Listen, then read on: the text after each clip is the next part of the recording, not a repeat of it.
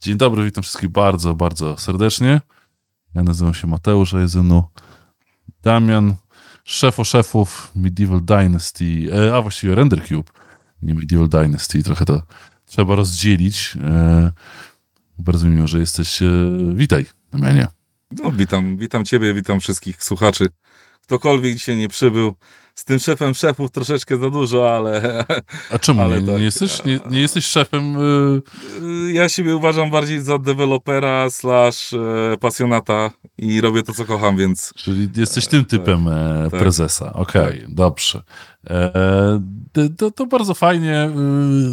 Y, ja staram się tak jakiś balans mniej więcej trzymać pomiędzy devami, a e, ludźmi marketingu czy biznesu, więc myślę, że fajnie, że, e, że tutaj u ciebie chyba zrobimy e, bardziej dewelopersko. Zobaczymy. Zobaczymy, jak to się ułoży. Witam cię. Jesteście, drodzy Państwo, słuchacie podcastu pod nazwą Gamecast. Dzisiaj, jak zawsze, w mojej edycji gościowej, gośćcastowej E, mm, mamy gościa prezesowego, ale przeważnie mamy e, z branży game devowej e, czy to marketingowców, czy bizdevów, czy, czy ludzi publishingu.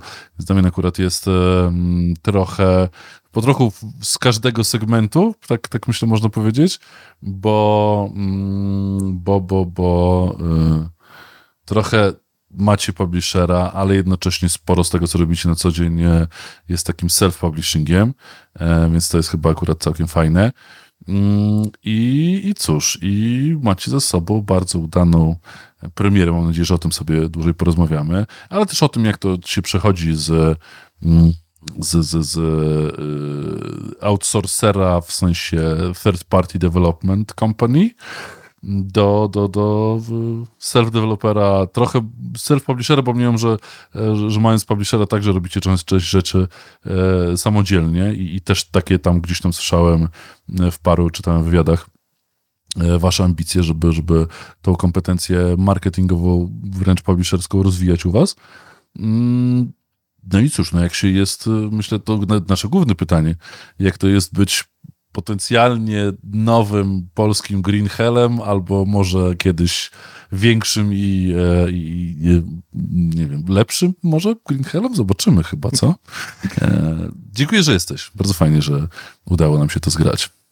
E, super, ja dziękuję za zaproszenie, bo mm, nie powiem, że na nadmiar wrażeń nie, nie narzekałem ostatnio, ale, ale tak, działo się, działo się tyle, ale chętnie, chętnie znalazłem czas dla was, bo bo lubię ten podcast też przy okazji, więc, e, o, więc fajnie, bardzo. fajnie bardzo mi się miło. go słucha, fajnie, fajnie tutaj być. Jeśli chodzi o Green Hella i porównania do nas, jak najbardziej są dla mnie e, miodem na ucho, ale, ale też czy lepsi, czy gorsi, to nawet nie ma co porównywać. E, ja zawsze kibicuję każdemu devowi w Polsce. E, ta branża, z którą się związałem już kupę lat temu, jest fajna, jest rozwijająca się, są mega ludzie i nie czuć jest tej takiej przysłowiowej konkurencji u nas. E, z każdym można się spotkać, z każdym można, można porozmawiać. E, jak mamy na przykład eventy, jak chociażby PGA i, i tak dalej, to, to widać tą, tą zażyłość i nikt tak naprawdę nie, nie myśli o tym, o tym, żeby się nie udało, tym lepiej poszło. No nie, jest, jest zdecydowanie w drugą stronę. Każdy kibicuje sobie, ja też zdecydowanie kibicuję każdemu, każdemu zespołowi. Fajnie, że udało nam się osiągnąć sukces porównywalny, chociażby do chłopaków z klipów, bo jednak y, no, to było coś no to spora mobilita nobilitacja, tak, bo jednak e, Creepy tak. i Creepy Jar e, i Green Hell um, są sukcesem nie tylko e, deweloperskim, czy biznesowym, czy inwestycyjnym, mm, ale w dużej mierze self-publisherskim sukcesem, o którym też moim zdaniem e, absolutnie za mało się mówi, tak, bo, tak. Mm, bo mieli ze sobą dosyć trudną historię, jakby do punktu do, do, dotarcie do tego w, w punktu, w którym byli. E, też jakby e, to był taki wczesny okres na, na survivale, yy, więc jakby jak oni zaczynali pracę nad grą dużo przed premierą, zresztą wy też tak naprawdę jeszcze, jeszcze wtedy, yy, no wy akurat wpadliście z Early Access, czy jakby ogłaszaliście się w 20 roku bodajże, tak, z tego co pamiętam?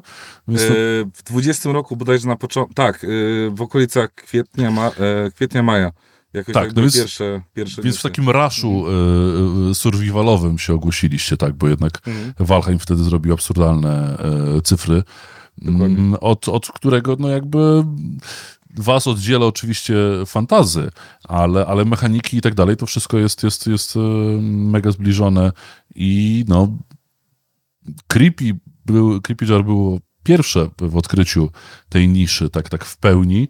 Mhm. Wy jakby kontynuujecie ten trend, ale, ale w waszym przypadku pokazujecie, że jakby jeszcze jest e, bardzo, bardzo dużo potencjału w tym segmencie z tego, jak można się rozwijać, jakie jeszcze można mieć perspektywy. Mm, To nie wiem, ile to potrwa teraz chyba. E, Ciężko ocenić. Ja myślę, że wiesz co, to tak naprawdę jeszcze jest potencjał duży e, w tej niszy. Szczególnie to widać właśnie po tym, co my zrobiliśmy, bo mm, oczywiście można było pójść po mm, przysłowie łatwiźnie, e, zrobić kolejnego Deforest, czy, czy Rasta, czy, czy cokolwiek innego, które a, no, gry osiągnęły sukces, można było reskina robić bardzo prosto i tak dalej, nawet się nie wysilać, jeśli chodzi o design. A my Mhm. podeszliśmy inaczej, dodaliśmy te elementy, które no, nie były dla survivali praktycznie ni nigdy nie były implementowane, jak RPG czy, czy ten city building. I myślę, że tutaj jest właśnie taki clue sukcesu tego Medievala, no i potencjał też dla innych tytułów, żeby, żeby trochę się może nie bać takich eksperymentów, bo to był eksperyment, to był duży eksperyment. My czuliśmy, Nie no, mieliście, fajna, mieliście, nie? mieliście wcześniej eksperyment z tego, co... Tak, czytałem. eks- To był duży. Monster League też był eksperymentem, ale, ale wcześniejszy eksperyment w samym Medievalu, no to to już było w ogóle to, że zmieniliśmy core gry przed, na niedługo przed wypuszczeniem. to, to było coś ciekawego. Najlepsze pomysły Tak. wpadają w ostatniej chwili, więc... Tak, ale to było em, dość e, organiczne. E, siedzieliśmy w zespole, właśnie To mieliśmy znaczy? przygotowany, e, przygotowany tytuł do prezentacji. To był chyba prezentacja na IGN. No, ważna rzecz dla każdego deba, tak? Mhm.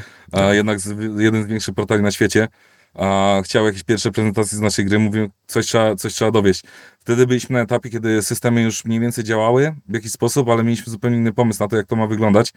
Zrobiliśmy to demo, puściliśmy do IGN-a, ale wcześniej je ograliśmy. I Okej. 99% zespołu powiedziało, kurde, coś tu nie klika, coś tu, coś tu jest nie tak. I a, po tamtym momencie usiadłem sobie na spokojnie, e, rozważałem wszystkie za i przeciw, mówię, mamy raptem, tam bodajże było wtedy e, 4 miesiące do premiery, no ryzyko bardzo duże, żeby coś zmieniać, ale Ale co że... zmieniliście? Co z czego, jeśli można E, wiedzieć oczywiście? Tak, ja e, to, to to nie wiem, czy chwaliłeś się tym gdzieś po drodze w jakichś wywiadach? Wiesz co, Czy... Chyba mo możliwe, że raz, raz, yy, raz Okej, to tak powiedziałem. e, jako- Przeskanowałem gdzieś tam parę jakichś twoich jako wywiadów, ale nie rzuciło mi się to w, Tak. oczy, bo to jest ciekawe akurat. E, to, było, to było tak, że e, gra miała być e, survivalem z krwi i kości, czyli faktycznie przetrwanie Mhm. i tak dalej, i tak dalej. E, chcieliśmy dodać ten wątek właśnie rozwoju własnej, może nie osady, a powiedzmy wioseczki lub twojego mm, gospodarstwa. Jako taki właśnie parobek, ten, ten średniowieczny. No i oczywiście zaimplementowaliśmy to wszystko fajnie. Wymyśliliśmy, że to będzie story driven, czyli po prostu będziesz prowadzony krok po kroku za rączkę przez historię, którą, e, którą ktoś tam ci będzie opowiadał. Miało to być harsh survival i miało się zaczynać w zimie. Niestety wtedy, pamiętam, nie byliśmy jeszcze tak zaawansowani, jeśli chodzi o pogodę w grze. Czyli ta zima była Mhm. zawsze ponura strasznie. O Jezus, to było, to było bardzo ponure. To tak, że po prostu jak widziałeś pierwsze kadry i ujęcia z tej gry, no to było takie e, brzydkie. No bo nie było widać tego piękna świata po prostu przez tą zimę surową.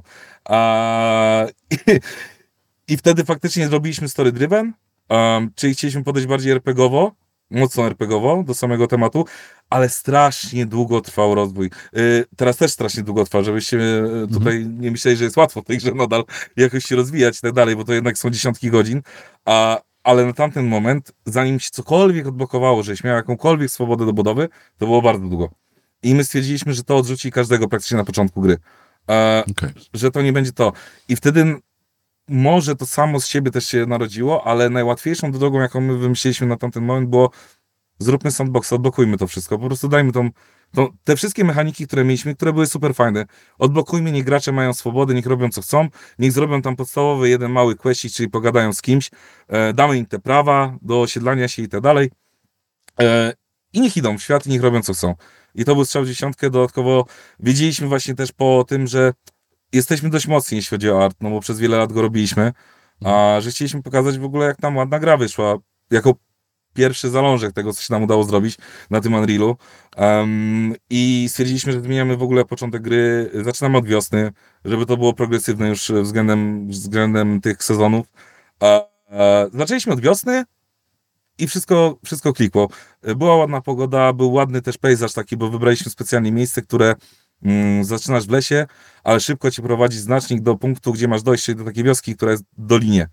I ten pierwszy pejzaż, jak zaczęliśmy testować to pierwszy raz, to było takie wow, ale to wygląda, no bo mieliśmy duże zasięgi widoczności, na przykład obiektów i tak dalej. Um, stwierdziliśmy, że to jest właśnie to, co, co chcemy pokazać graczom na początku. Słuchajcie, hej, wiemy co robimy, jeśli chodzi na przykład o art, ta gra będzie ładna, zaufajcie nam. Yy, potem jak chcecie, do, dołożymy wszelkich starań, żeby to polepszyć jeszcze tylko bardziej do zdania, tak? I faktycznie od razu był taki efekt endorfin, które uruchomiły się u graczy na samym starcie, że mimo, że to był early access, mimo, że to było niedokończone, wiele systemów było bardzo ubogich i to naprawdę bardzo ubogich, to było taki premis, że hej, to jest dobry start. Dobry początek, zaufaj, zaufajmy im, pograjmy jeszcze, sprawdźmy. I faktycznie oni przetrwali przez ten pierwszy moment, czyli tych kolokwialnych dwóch godzin najważniejszych. E, doszli do momentu, kiedy już zaczęli odblokowywać sobie skille, bo mieliśmy skill tree, mieliśmy te budynki, e, mieliśmy tych NPC-ów, mogliśmy mieć tą żonę i tak dalej. Zaczęli się tym bawić i się okazało, że to bardzo fajna gra wyszła. No i super, gratulacje. E, e, dobrze zwracasz uwagę na Arta, bo, e, bo, bo, bo no już Walheim też tym grał, mhm. tak? Art i muzyka, no co absolutnie po prostu mega miodne, tak? No jakby tam mogło sobie też na to pozwolić trochę inne barwy, trochę, trochę te, te rozmycie jakby grało swoje. Mm, I stylistyka I, sama w sobie, nie? Tak, jakby y, to tamta gra światłem zupełnie, y, no mówię, to, to połączenie rozmycia i światła, jak tam się wchodziło e, w, w, w, pierwszy raz do lasu, to faktycznie tam czuło się przez ten las otoczony, tak? E, u was jakby czuć trochę większą wolność w tym, co można zrobić. Jakby oba uczucia są mega pozytywne, mm, ale też e, no, oni strzelili się mocno z, z muzyką. Wiem że, wiem, że to też było mocno zauważalne na początku, mm, że jakby ta strona artowa jakby mocno ludzi mhm. zatrzymała przy, przy grze, bo jak gameplayowo oczywiście to też musi się spinać, także jeśli mieliście takie zmiany też w ostatnim momencie, no to mega, że to się udało dopiąć i, tak. i zagrało i um, no i to tym bardziej jest tak naprawdę mega sukces, bo to, że, że w tamtym okresie to, że zrobić grę survivala dobrego i, i że on da radę, czy jakby ma jakąś tam szansę, to akurat może nie było takie zaskakujące, mm. ale zrobić e, survivala, który miałby mm, e, dobrego arta, i do mhm. tego jeszcze gdzieś tam w międzyczasie był zmieniany, no to to już jest troszeczkę inna e, historia, opowiadająca troszeczkę mm, e, trudniejsze wasze story, no i tym, tym fajniej, że to się udało e, zrobić. E, powiedz mi, jak... E, mm, może wróćmy do tego, bo na, na, na moim e, Gamecastie staram się gdzieś tam trochę pogrzebać w tym, co doprowadza ludzi do sukcesu, bo nie mam, że mam nadzieję przynajmniej, że poza, poza ludźmi wrażeniowymi też trochę gdzieś tam młodszych mamy słuchaczy tak po prostu myślących o pracy e, w, w game devie. I wiem, że jakby twoja historia tych ludzi z naszego pokolenia na dzisiaj może nie jest do końca do powtórzenia, ale wiem, że te standardowe schematy rekrutacyjne, zawodowe pewnie będą trwały cały czas. E, więc powiedz troszeczkę o tym, e, od czego zaczynaliście przed, przed samą premierą Medievala, te, te parę, parę ładnych lat, tak, bo nie, nie, nie założyłeś firmy tuż przed, tuż przed uruchomieniem Medieval Dynasty. Nie, Jak nie, te, nie był boom gendewowy zbierania tak, wszystkiego zespołu tak, i tak dalej. Tak, tak więc, tak. więc powiedz to, jak, jak to wyglądało u ciebie, bo też, e, też, też, też e, warto to nadmienić, tak, że, że da się przejść z mm, właśnie z jednego miejsca, w którym byłeś, potem w trochę innym i ostatecznie do, na, na własne. To, to jednak trwało i to był bardzo e, no, długi proces, bo to ile zajęło? 7, tak? 8 lat plus minus?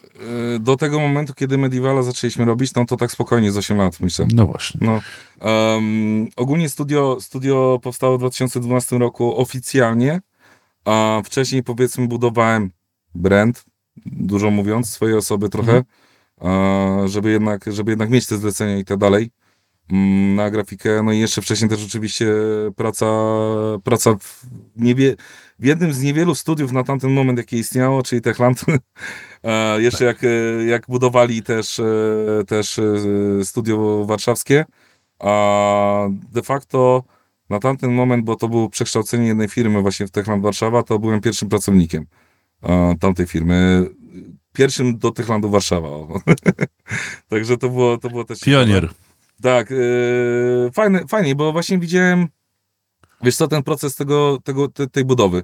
Jak to powinno się robić, yy, żeby też nie przesadzić, bo studio się rozwijało moim zdaniem wtedy w fajnym tempie. Nie było takiego przesadnego hura optymizmu, że teraz yy, zatrudnimy 30 osób, 40 osób i będzie fajnie. Tylko to było faktycznie takie dość organiczne, bez przesady, żeby móc na tym zapanować, no bo byliśmy jednak... Chociaż po, co, że ci wejdę, wejdę, wejdę, ci w słowo, bo jakby ja często słyszę to, że, że ten nadzatrudnianie, że ono jest e, negatywnym procesem. No jakby teraz widzimy troszeczkę e, w perspektywie gdzieś tam zachodnich studiów, mm, że, czy publisherów może bardziej nawet niż studiów, że to zatrudnianie szalone jest, jest, jest problematyczne.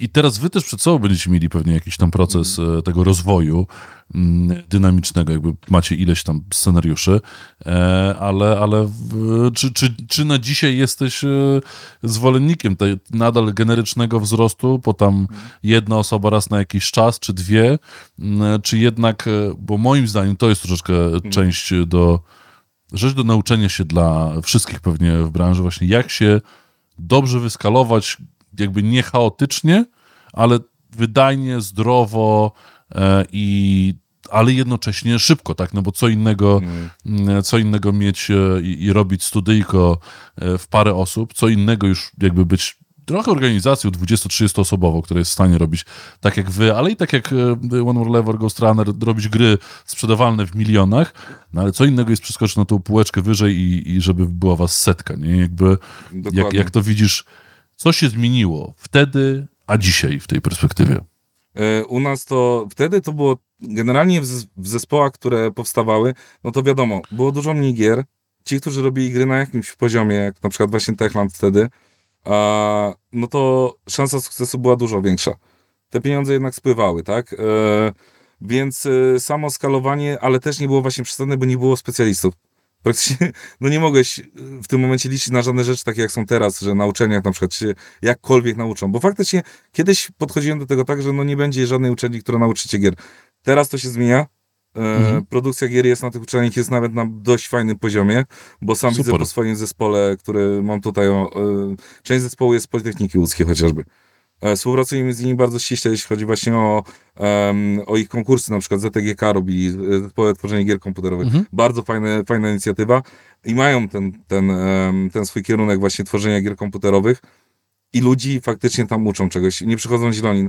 Powiedziałbym, że to są juniorzy oczywiście, no bo wchodzą do branży, ale to stricte nie jest junior, jak kiedyś by się definiowało juniora, który de facto pierwszy raz zobaczył, nie wiem, czy Studio Maxa na oczy, tak? I trzeba było go kształcić od zera, e, czy, czy z programowania, tak? Zobaczył, umiał coś programować, ale nigdy, nigdy nie robił w game devie i trzeba było go doszkolić do tego, tak? To już nie, nie są takie czasy, więc to jest fajne, E, jest dużo łatwiej. Potwierdzam, e, potwierdzam, tak. bo jak zatrudniamy QA-ów, to też jest, e, też w Białymstoku, to, to, to też to widać, tak? Co, co tak. innego, jak szukaliśmy ludzi w 12, 13, 14 roku, a co innego, jak też jakiś tam kawałek kierunków związanych z tworzeniem gier, czy w Białymstoku, czy poza nim, to widać, że, że ten, ten 20-paroletni junior, pozdrawiam QA tutaj hmm. za ścianą siedzą, to nie jest ten sam junior, który był w game devie, pojawił się dekadę temu. Tak? Dokładnie. mega pozytywny proces. Dokładnie, bardzo pozytywny proces. Dlatego e, jest troszeczkę łatwiej się, powiedzmy, skalować, żeby też nie przesadzić z budżetem, czyli można wziąć juniora,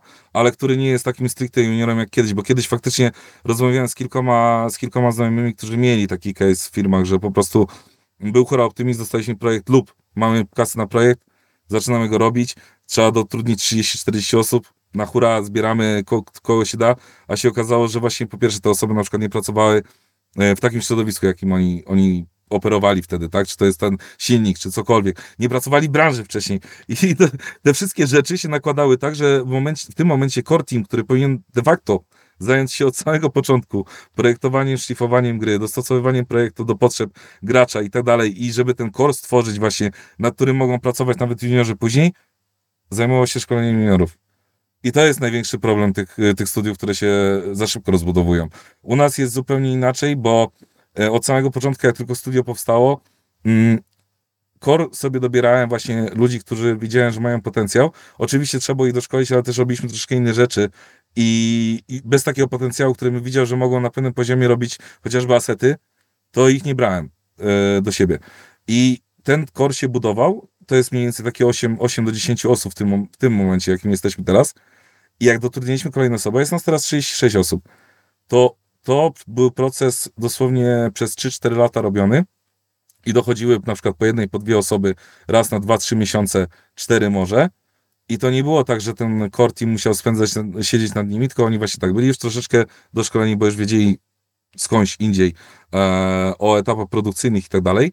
Bardzo szybko się wdrażali i ten nadzór był minimalny. Czyli ja nie traciłem czasu bezcennego praktycznie e, seniora czy, czy, czy lida, e, żeby siedział nad tymi osobami, więc to było bardzo organicznie robione. No niestety e, parę zespołów się przejechało na tym dość mocno swego czasu i, i no to, jest, to jest duży błąd. Tak samo też jest mylne myślenie wielu osób. Ja, ja o tym się przekonałem, na szczęście wiedząc, mając świadomość tego procesu, mhm ale przekonałem się o tym też kiedyś. Zatrudniając dwa razy więcej osób, praca nie postępuje dwa razy szybciej.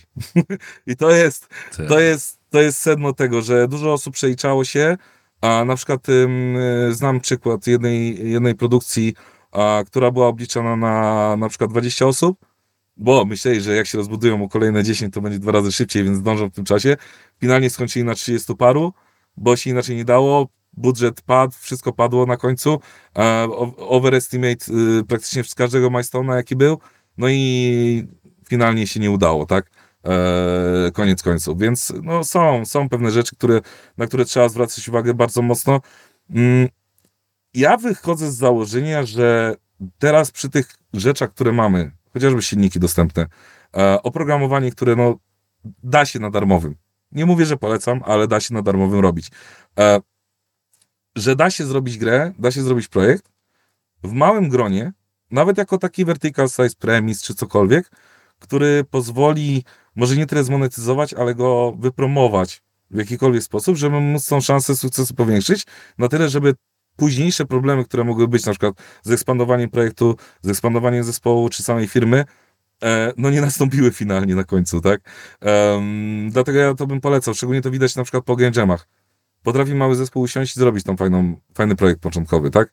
Później co z nim zrobią, no to już jest, to już jest inna sprawa, e, ale mając w głowie, że hej, zrobiliśmy to czterech, a weźmy sobie na przykład, nie wiem, kolejne cztery osoby do zespołu, no nie będzie takiej hardcore, żeby ich nie wiadomo jak bardzo poświęcać im czasu, ale damy radę zrobić na przykład to w rok i wypuścić, mając jeszcze za nadrzu, nie wiem, jakąś kasę od wydawcy, czy, mhm. e, czy od inwestora, czy od kogokolwiek, kogokolwiek innego. E, ryzyko małe, szansa duża, róbcie to ale okay. przy takiej skali, jak są duże, duże zespoły i często, no, tak jak powiedziałeś, zwolnienia w branży, tak? E, w tych największych, no, mm, no słabo to brzmi, źle wygląda, jak nagle widzisz artykuł, że zostało zwolnionych 500 osób, nie? Um, no ale to, to jest ten efekt, efekt skali, efekt przeliczeń e, i zarządzania. Możliwe tylko w tak Ameryce. Tak, to jest, to jest coś niesamowitego. No u nas też trochę, trochę tych rzeczy było, no ale e, większość to po prostu brak sukcesu. No bo rynek jest trudny. Właśnie to, co wcześniej powiedziałem, że jest dużo dostępnych narzędzi, jest prosto robić gry. Właśnie dlatego ich jest tak dużo w tym momencie na rynku, tak? E, na samym Steamie, e, z tego co pamiętam, w zeszłym roku, no nie, 14 tysięcy premier. Tak, to, no to liczba, to jest, cyfra śmierci. Abstrakcyjna wręcz. Tak. Dobrze, e, powiedz mi tak, bo tutaj na, w komentarzach akurat na e, YouTubie mamy hmm. pytania. E, jedno było z pytaniem, czy, czy CV, czy, czy, czy grafikę gdzieś tam wpisywałeś CV, ale to już może sobie hmm. zobaczmy, zostawmy. Gratulacje masz na pewno odnośnie kopa i tak dalej, ale ostatnie pytanie od Marka, jako, nie wiem, czy będziesz mógł odpowiedzieć, jak obecnie wygląda sprzedaż dzienna i jako poprawi zyski render w 24, ale nie wiem, czy chcemy robić e, tutaj. Nie wiem, czy ty możesz pewnie, pewnie nie wszystko nawet możesz Biz, bo pewnie czekacie na, na. E, myślę, że nie będziemy tutaj rozmawiali, szczególnie, że moje stanowisko odnośnie też e, pokazywania danych e, sprzedażowych i tak dalej jest dość jasne. Ja chcę pokazywać klarowny obraz sytuacji, e, jaki jest. Nasz, nasza gra to jest long seller, to jest przede wszystkim. To jest też słowo, które możemy później wytłumaczyć też widzom, na czym polega różnica między grami, które e, osiągają sukces pikowy, czyli zaraz po mhm. premierze, no i zatują często w nicość, E, ale to też nie jest złe, bo oczywiście takie produkty są, szczególnie e, narracyjne produkty, czy, czy fabularki, e, które po prostu ogrywasz raz i już do nich nie wracasz, ale osiągają też super sukces, no ale mają krótki ogon mhm. sprzedażowy. U nas to troszeczkę inaczej wygląda, że po prostu w grę się długo gra i ta sprzedaż no, postępuje przez miesiące, miesiące, miesiące. No i w tym momencie sprzedajemy grę 3 lata, e, praktycznie na tym samym poziomie. E, a to jest, mhm. to jest e, moim zdaniem ciężko osiągalne i to jest troszeczkę taka, mm, e, taka domena gier, które są dość uniwersalne w, w ogrywaniu. E, no, nasza, nasza jest. Można sobie wymyślić cokolwiek. Dzisiaj będę orał, orał pole, a jutro pójdę robić questy, tak? więc, więc, yy, więc... Farming Simulator tylko, tak. tylko w średniowieczu. Tak, yy, dlatego... Jest pytanko, kiedy będzie, czy pojawi się raport sprzedażowy, ale e... mniemam, że pewnie zrobicie na koniec e... kwartał czwarty, pewnie musicie gdzieś tam po, po, po, w lutym chyba dopiero, tak? Gdzieś tam tak, wrzucić, myślę, że to będzie... Ja osobiście bym się nie spodziewał wcześniej. Tak, to będzie w okolicach, tak będzie. w okolicach kwartału szczególnie, że potrzebujemy też dane za pełny miesiąc, e, mhm. żeby to wszystko podsumować. E, nadal też mamy kampanię marketingową, e, którą, którą cały czas działamy i, i rozwijamy. Przed nami Winter Sale. Ja generalnie obstawiam, że najprędzej po prostu będzie to przy kwartalnym sprawozdaniu.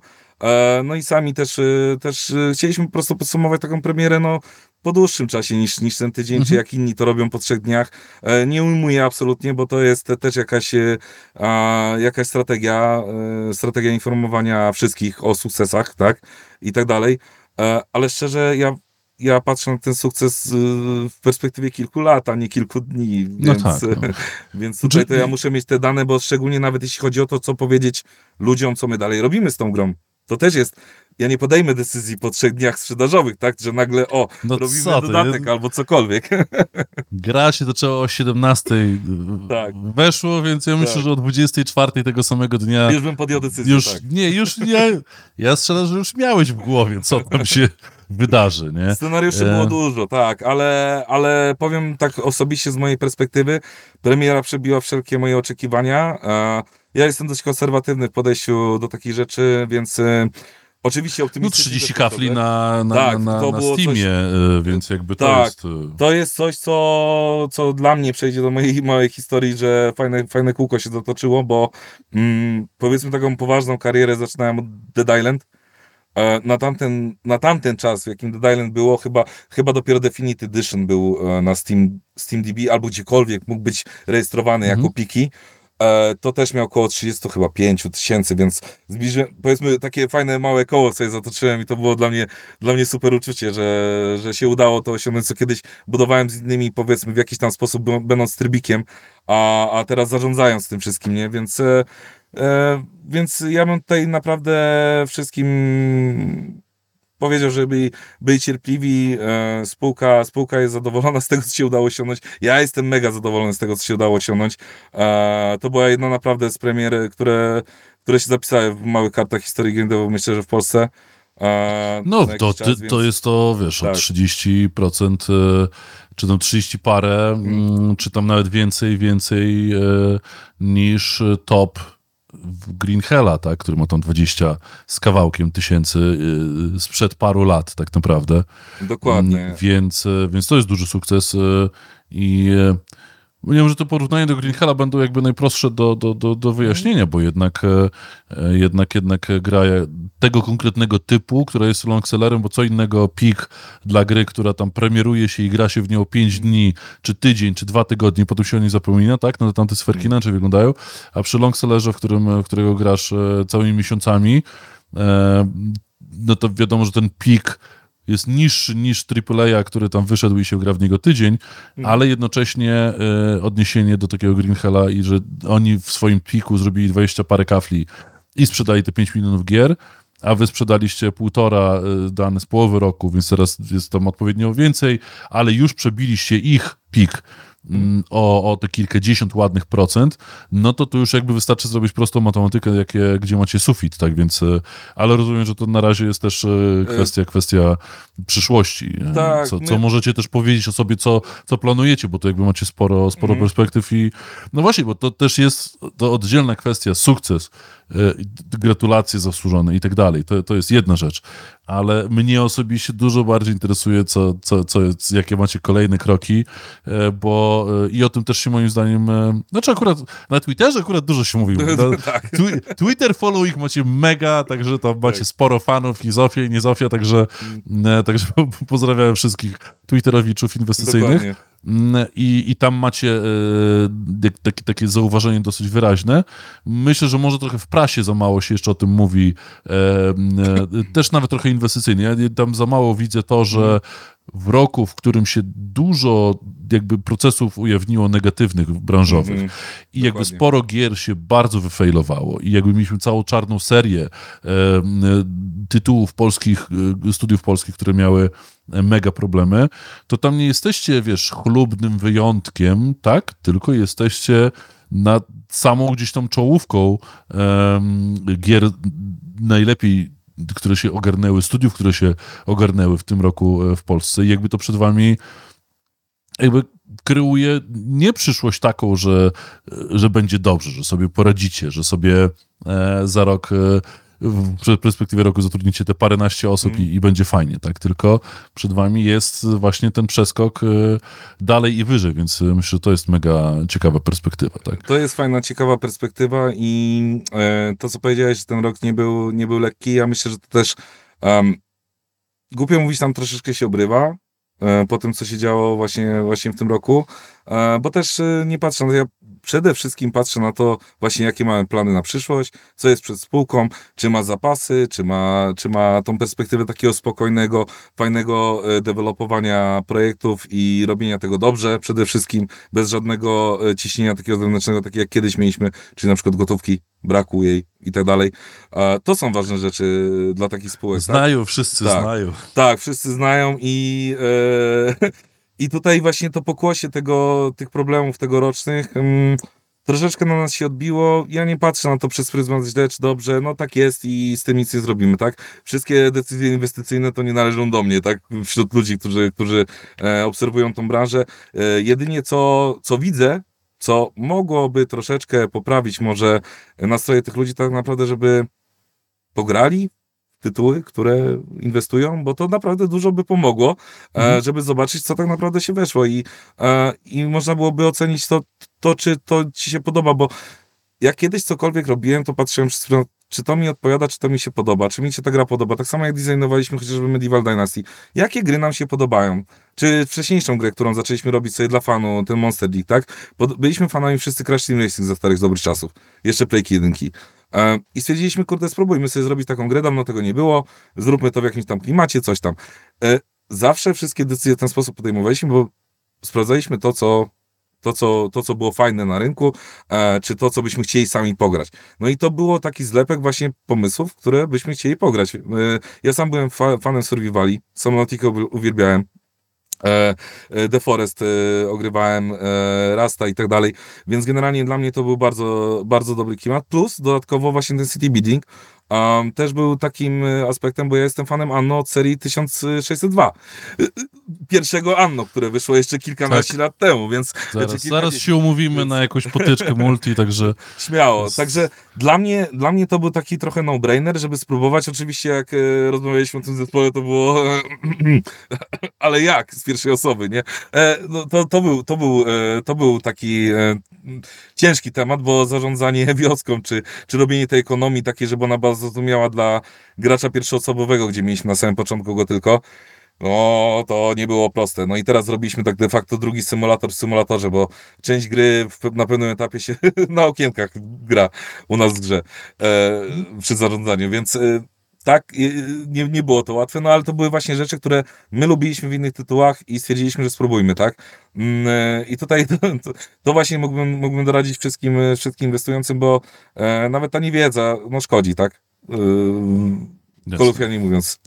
Jasne, a powiedz mi, e, to może jeszcze wróćmy na chwilkę do przyszłości, bo tam przerwaliśmy, mm? przepraszam za, za odbicie od tematu. Jeszcze dokończ jakby swoją historię. E, Techland i tak. potem? E, w Techlandzie byłem do chyba przed Riptide'em, jak dodanie Riptide powstawał, też był Call of Juarez trzeci. O, już nie pamiętam, co to mniej, po, po drodze jeszcze robiliśmy. W każdym razie, no to to było do tego momentu. A, rozstałem się z Techlandem, stwierdziłem, że chcę trochę odpocząć też. A, zrobiłem sobie taką dłuższą przerwę od, od game devu. Mm, Lubię wędkować, po prostu byłem zapalonym wędkarzem w tamtym momencie. I pojeździłem sobie trochę na rybki i tak dalej, ale e, przyszło, przyszło to Czyli zdarzenie. prawie zrobiłeś Ultimate Fishing wtedy, Yy, tak? Prawie? tak, tak. A powiem szczerze, że właśnie e, jednym z pierwszych projektów, jaki rozważaliśmy, to był właśnie symulator wędkarza, ale wtedy zrobili Ultimate Fishing. więc już było po, po, po zawodach. no i fajny sukces, więc też, też było to ciekawe, że mówiłem, a, a później chłopakom mówiłem, a nie mówiłem? Bo się śmiali ze mnie, że to nie pyknie. No ale... E, ale tak, em, wróciłem właśnie z tego, powiedzmy, nazwijmy to urlopu, usiadłem i zacząłem sobie e, trochę robić portfolio, ale też e, rozglądać się właśnie za jakąś pracą dodatkową. E, dostałem, dostałem ofertę z e, CA Games, tam moi znajomi, część z moich znajomych z poprzednich właśnie lat tam pracowało i powiedzieli, że właśnie zaczynają nowy projekt w Bydgoszczy, ale czy bym mógł tam się przeprowadzić. Ja mówię, no już miałem dosyć, bo akurat... Nie obraźcie się. Tak, nie obraźcie peł- się, ale, ale tak. Pełen nie. szacunku jest to dla historii Tak. tego miasta, ale Tak. Bardzo ładne miasto swoją drogą. Parę razy tam byłem właśnie na, na ich eventach i tak po prostu przybić piątkę, kolokwialnie mówiąc. I mega mi się podobało, ale na tamten moment stwierdziłem, że oj, nie ma opcji, bo mm, kilka lat, e, jak właśnie e, w Techlandzie pracowałem, byłem młody i głupi, nazwijmy to, i, i bardzo, bardzo ambitny i e, z mojego rodzinnego miasta, Koluszki, jeździłem do Warszawy dzień w dzień i wracałem z pracy, a to jeszcze był moment, kiedy remontowali kolej i to trwało 3,5 godziny w jedną stronę.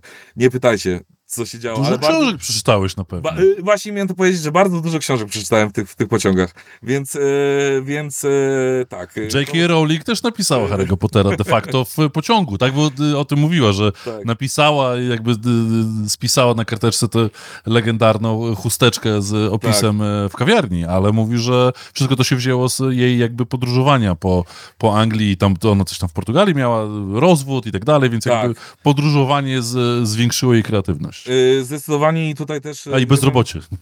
bezrobocie. Słyszałem, że pomaga. Tak, tak, tak, zdecydowanie. Ale na tamten moment właśnie troszeczkę e, żałowałem, że może nie tyle, że żałowałem, bo, bo uwielbiam na przykład robić grafikę, czyli to, co robiłem od samego początku w game devie, e, grafikę 3D, ale strasznie mi się spodobało od momentu, kiedy tylko e, zaczęliśmy myśleć o własnych grach, e, ta kwestia designu.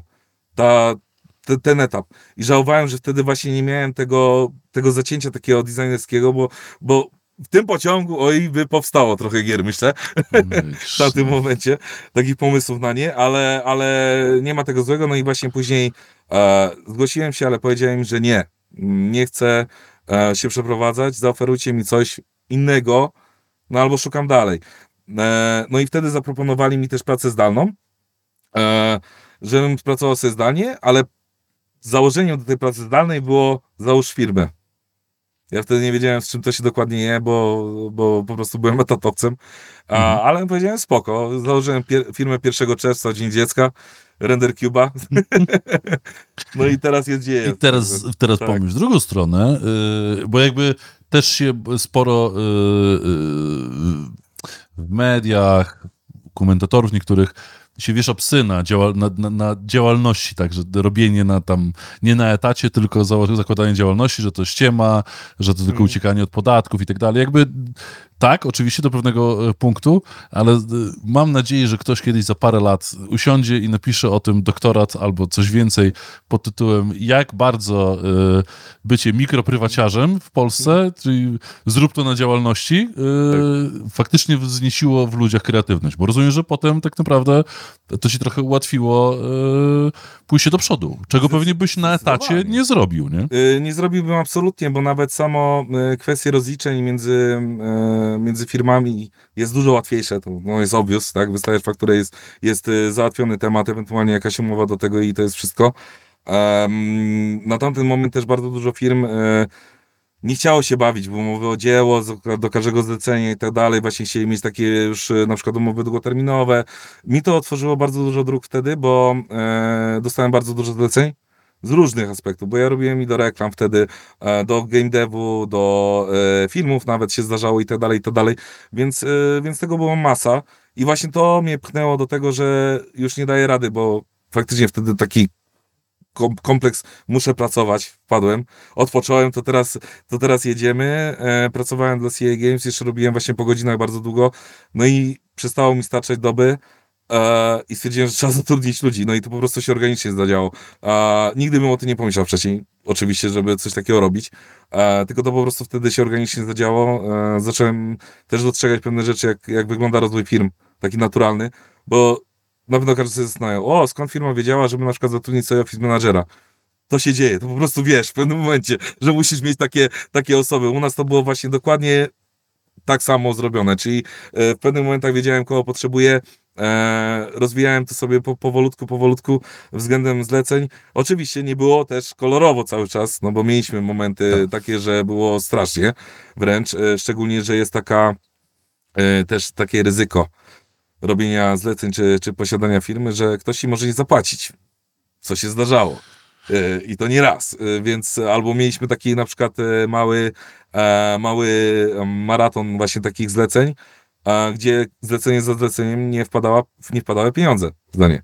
E, więc to był okres po prostu tragiczny, no bo trzy miesiące jest zwlekanie z fakturami, no i podatek już zapłacony, ludzie, ludzie potrzebują wypłat, co tu robić, tak?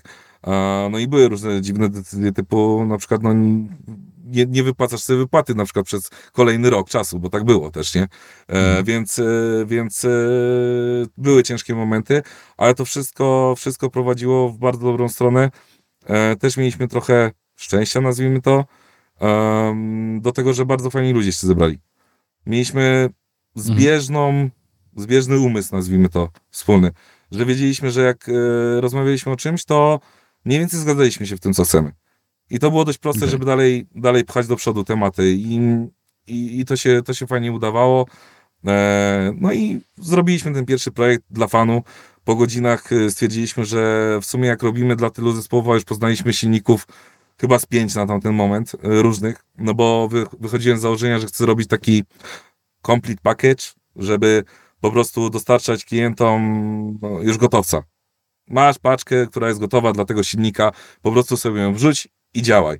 I, I, dlatego musiałem się nauczyć właśnie CryEngine'u, e, Chroma, tam e, Unreal'a, Unity i tak dalej. Tych, jeszcze był po, po drodze e, też e, Wiedźmiński i tak dalej.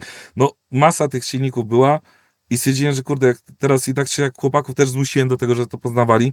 Czasami też sobie radzili z takimi tematami, bo oni byli właśnie po e, po na przykład Politechnice, byli nauczeni też programowania w jakimś stopniu e, i potrafili sobie napisać na przykład skrypt, czy napisać um, shader do, do, do modelu i tak dalej w tych, w tych silnikach, stwierdziłem, kurde, chłopak, ja jakbyśmy zaczęli robić coś własnego, tak po prostu dla fanu, nawet zobaczymy po prostu jak nam idzie, tak? Może, może wtedy pomyślimy o jakimś własnym projekcie, jeśli by nadarzyła się ku nam okazja. No i zaczęliśmy projektować tego Monster League'a wtedy i robić. No i się okazało, że to był strzał w dziesiątkę, bo faktycznie się dało. Były na tak zaawansowanym etapie silniki, tak jak chociażby Unreal właśnie, którego użyliśmy, E, że ta, ta taka zgraja praktycznie artystów, czy tam e, grafików 3D się zebrała i zaczęła coś robić i faktycznie się udało stworzyć tego projekt. E, masa paczek dostępnych i tak dalej. Oj, przepraszam, coś mi upadło. Masa, masa tych, masa paczek do dostępnych, z których można było pobierać też inspiracje do kodzenia i tak dalej.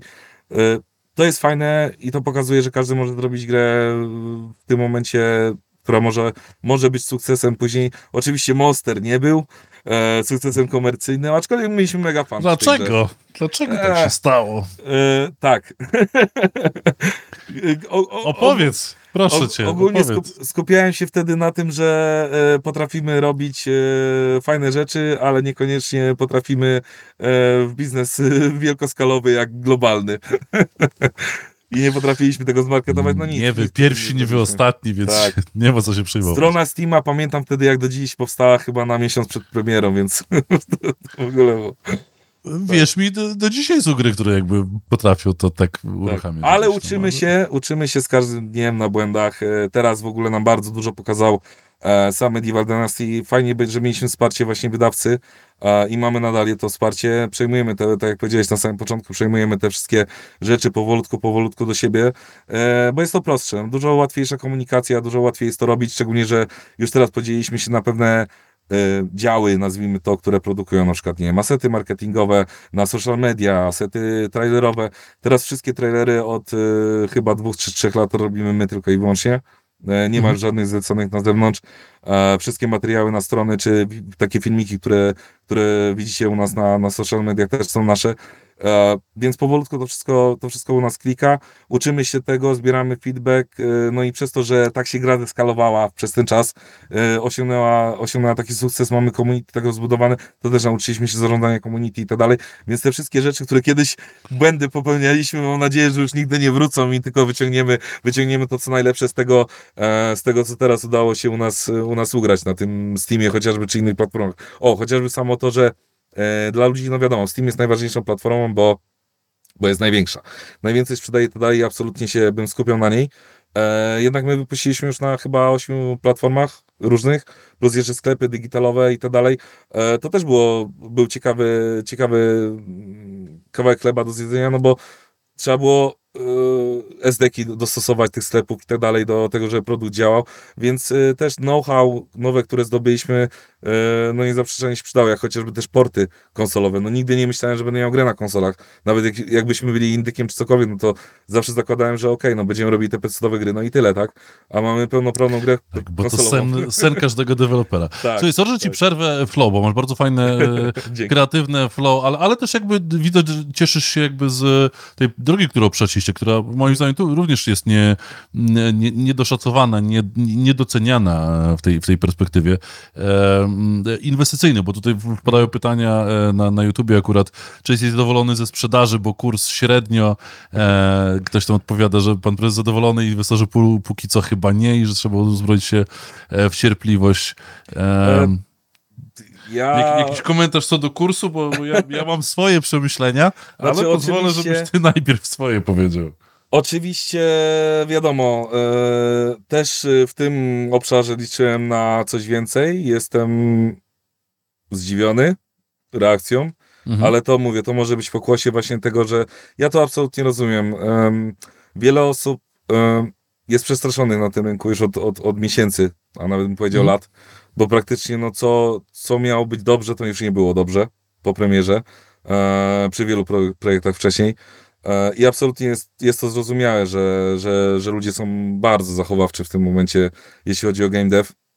E, możliwe, że e, w końcu nasza premiera czy House Sweepera e, i w przyszłym roku ja tak liczę na, na, na Frostpunka chociażby, no bo oczywiście to no nie zapowiada się absolutnie żaden flop, e, żeby, żeby, to, żeby to była gra flop zeskalowanie z tego, co potrafiłem sobie wydedukować, chociażby z trailera wygląda super, że poszli w bardzo dobrą stronę z tym projektem, więc... E, skala trochę. Skala. Właśnie chodzi o to, o to, że właśnie to, co mi w tym Prospanku jedynce y, w endgame'ie już przeszkadzało, to właśnie ograniczenie.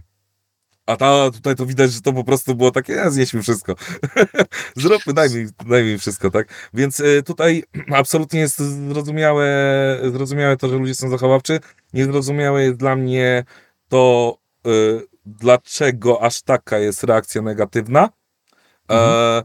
rynku, aczkolwiek to nie ja jestem od decydowania o portfelach innych, jeśli chodzi o inwestycje. E, każdy, każdy ma własne predyspozycje czy, e, czy własne strategie na ten temat, więc e, po prostu nikomu nie będę mówił, co ma robić, absolutnie i też, i też dla mnie najważniejsza jest firma, tak? Firma rozwija się w dobrym kierunku. Wszystko to, co zakładałem, zostało przekroczone, jeśli chodzi o to, jaki sukces to był, jeśli chodzi o grę, właśnie przekroczenie tych progów graczy i tak dalej. No to jest ja byłem święcie przekonany, że jeśli już się uda, to może trochę przekroczymy na przykład ten próg 18 tysięcy, co kiedyś mieliśmy, bo jednak mhm. gra jest 3 lata już na rynku, bardzo dużo zmonetyzowaliśmy jej wcześniej. E, ten, ten półtora miliona graczy kupiło tą grę wcześniej e, i nie przypuszczałem, że ona jest tak w pamięci i w, w samym tym właśnie odczuciu tego, że to jest bardzo dobra gra, żeby aż tak bardzo zbustowała na tę premierę. E, I to jest super, bo to absolutnie, patrząc na chociażby te kilka dni, czy, czy, czy kilkanaście dni, co minęło od premiery, nie jestem, jestem absolutnie pewien, że w tym momencie to będzie kolejny long seller właśnie, czyli to, co chcieliśmy osiągnąć na 3, 4, 5 lat do przodu.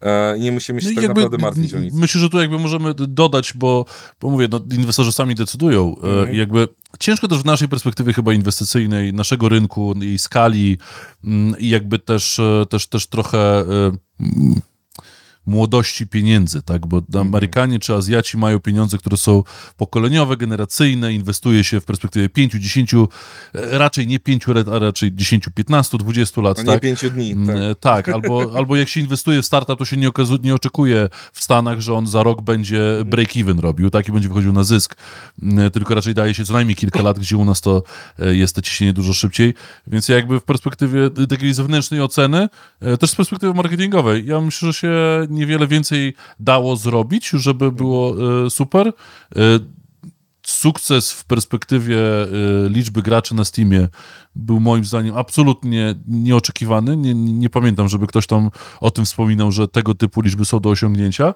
Więc jeśli kurs gie- giełda nie zareagowała na to, że de facto waszą grę w danym momencie zagrało no prawie o 50% więcej ludzi niż w Green Hella, który swojego czasu był wyceniany na bodajże miliard dwieście tysięcy złotych e, i który to zrobił kilka lat temu, a wy to robicie w dosyć trudnym, jeszcze bardziej konkurencyjnym środowisku, Mhm. no to tutaj jakby to, to, to nie jest kwestia, że e, możemy być zdziwieni spadkiem kursu, tak? To jest Mhm. perspektywa już taka dosyć wyraźna, tak? Że, że gra urosła, jej skala y, i, y, i premiera okazała się absolutnym sukcesem, tak? Sprzedażowym, wizerunkowym i marketingowym, tak? Więc tu jakby, jeśli za tym nie poszło e, kwestia inwestycyjna, e, czy spadek kursu, no to to są, e, Tak, widzę, że to nie są chyba ze, tak. związane ze sobą zjawiska w tym wypadku, bo, e, Nie, bo, bo, bo sukces biznesowy nie mógłby być chyba większy tak naprawdę. E, Tak, jedynie co, no to oczywiście moglibyśmy mieć na przykład lepsze miejsce w bestsellerach, tak? Ale ja, ja sobie zadawałem to pytanie, e, na przykład przy tym, jak rozmawialiśmy wcześniej na webinarach, czy, czy gdziekolwiek jak występowałem i zadawane zostały pytania, czy na przykład nie boimy się premier, które będą miały w ten dzień e, razem z nami premierę. Jakie premiery? Ja nawet nie pamiętam, co tam tego dnia premierowało, ale bym musiał sprawdzić. The Bo... day before chociażby. no to to było tak, ale to już było the day after, ale, e, ale e, i zadawaliśmy sobie to pytanie, później też oczywiście patrzyłem sobie na to, że mówię, kurde, szkoda, że nie było tego na przykład top 10, tak? Ale jak zobaczyłem, jakie tytuły są za nami, które są na przykład w promocji e, i marki, które są po prostu globalne, miliardowe marki, to stwierdziłem, dobra, okej. Ja więcej nie chcę, bo naprawdę to Nie ma się czym mówisz, no, ciężko z perspektywy oceny naszej stwierdzić, że na przykład mogliśmy coś jeszcze lepiej zrobić. Oczywiście, pewnie mogliśmy, ale to, co zrobiliśmy, moim zdaniem było i tak. znaczy, mogliście, ale nie tak. mogliście zakładać, że będzie że tego będzie lepszy su- efekt niż dokładnie. który osiągnęliście, bo już osiągnęliście ten efekt ponad swoje oczekiwania i rynku oczekiwania Dokładnie. kogokolwiek, tak? Najzwyczajniej w świecie zaskoczyło, bo, bo gra jest okej i, e, i i wszystko w niej dobrze działa, tak? No to E, też dla pytanko Dla jest mnie o... najważniejsze, tak. y, przy- co- Przepraszam, że ci przerwę, No. ale dla mnie najważniejsze było to, to, co powtarzałem od samego początku, żebyśmy nie, zepsu- nie zepsuli bazowej gry. Czyli żeby ten Tak. koop dodał kolejną warstwę entertainmentu dla ludzi, ale nie zepsuł core gry. A to było bardzo proste, żeby zrobić, bo mamy bardzo dużo rozbudowanych systemów. E, I to się udało osiągnąć. Oceny, oczywiście tam były komentarze, że oceny słabe i tak dalej. Na początku e, my się nie przejmujemy, bo praktycznie przy każdej aktualizacji, którą robiliśmy, mm, narzekacze są pierwsi. No, No to- bo oni krótko grają w grę, albo nie grają w ogóle, albo po prostu im się nie podoba, koniec. U nas przez to, Tak. że gra e, średni czas rozgrywki to jest w okolicach chyba oficjalny jest 14 godzin, ale to jest tylko i wyłącznie dlatego, że są na przykład osoby, które 0,1 godzinę i oddały. Mhm. Nieoficjalne, które my widzimy na przykład w rankingach, jak sobie porównujemy ilość e, graczy z danego segmentu e, godzinowego, to jest prawie 40. To, e, to to jest tyle godzin, że to nie da się ocenić po jednym, dwóch czy nawet trzech dniach e, w żaden sposób. W tym momencie już jesteśmy po premierze, przepraszam, e, już jakiś czas ustabilizowała się ocena na 90%, czyli taki jak mieliśmy. Ja jestem super zadowolony z tego, bo e, tego się najbardziej obawiałem, że moglibyś, mogliśmy widzieć, że nam się fajnie to wydaje, że się gra, a oceni masa, że nie, że to jednak jest coś złego, albo technicznie gra siadła. No nie, technicznie się udało to dowieść, udało się dowieść e, jakościowo, udało się też dodać tyle kontentu, że, że większość graczy jest super zadowolonych i mimo, że przeskoczyliśmy na kolejny level, jeśli chodzi o, o jakość tego produktu, super. Eee, dostajemy zewsząd po prostu bardzo dobre gratulacje. Samo to, że nawet um, streamerzy, których, e, których oczywiście dogadaliśmy na przykład na płatną kampanię marketingową i tak dalej, wracają do tego tytułu po tej kampanii, żeby pograć dla fanów ze znajomymi, więc to jest... e, Tak, no ale też, też nie, świadczy, nie tak? oszukujmy się, że jakby płatna kampania z influencerem e, znaczy e, reklama w takiej standardowej formie, że on będzie zachwalał tą grę tak na 200%. Nie, nie, nie, absolutnie. Więc, bo, bo absolutnie. to też, to jakby, ja to rozumiem z perspektywy marketingowej jako, jako człowiek mający agencję, także jakby e, inwestorzy, jakby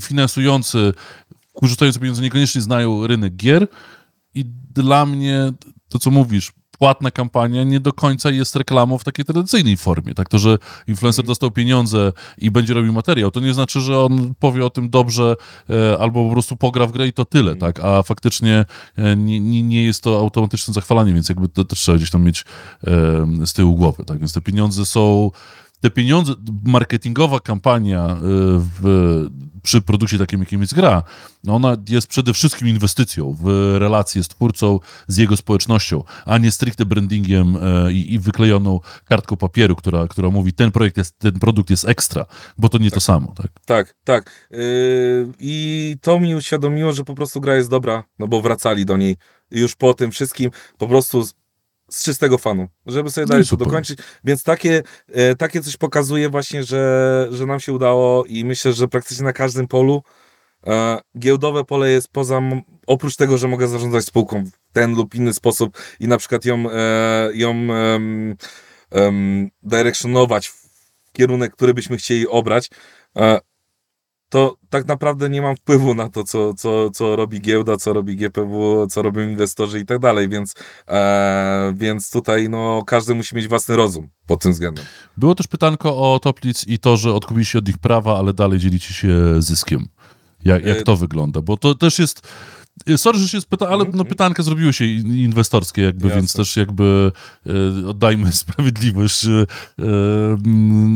ludziom i naszym słuchaczom i oglądaczom. Jak to wygląda? Bo to też mnie troszeczkę ciekawi w perspektywie takiej publisherskiej, bo jesteście nie tak jak Gri- Creepy Jar, że robili wszystko self-publishersko, Mm, wy robicie z publisherem i jakby też mm, też, też, też tak swoją drogą to nawet wygląda jak gra robiona dla Niemców, tak, tak, tak szczerze powiedziawszy. To wygląda jak taki, taki niemiecki e, mokry sen po prostu dla, dla niemieckiego publishera, który robić niemiecką grę dla niemieckich odbiorców, nie? Także absolutnie... To jest zabawne porównanie, ale e, jak zaczęliśmy robić research do Medievala chociażby, to się okazało, że właśnie niemiecki odbiorca to jest właśnie fanem średniowiecza zazwyczaj. Tak, I po prostu tak, tak automatycznie się jakoś złożyło. A też e, najwięcej materiałów e, ze średniowiecza, no to jest jednak z tego regionu, tak?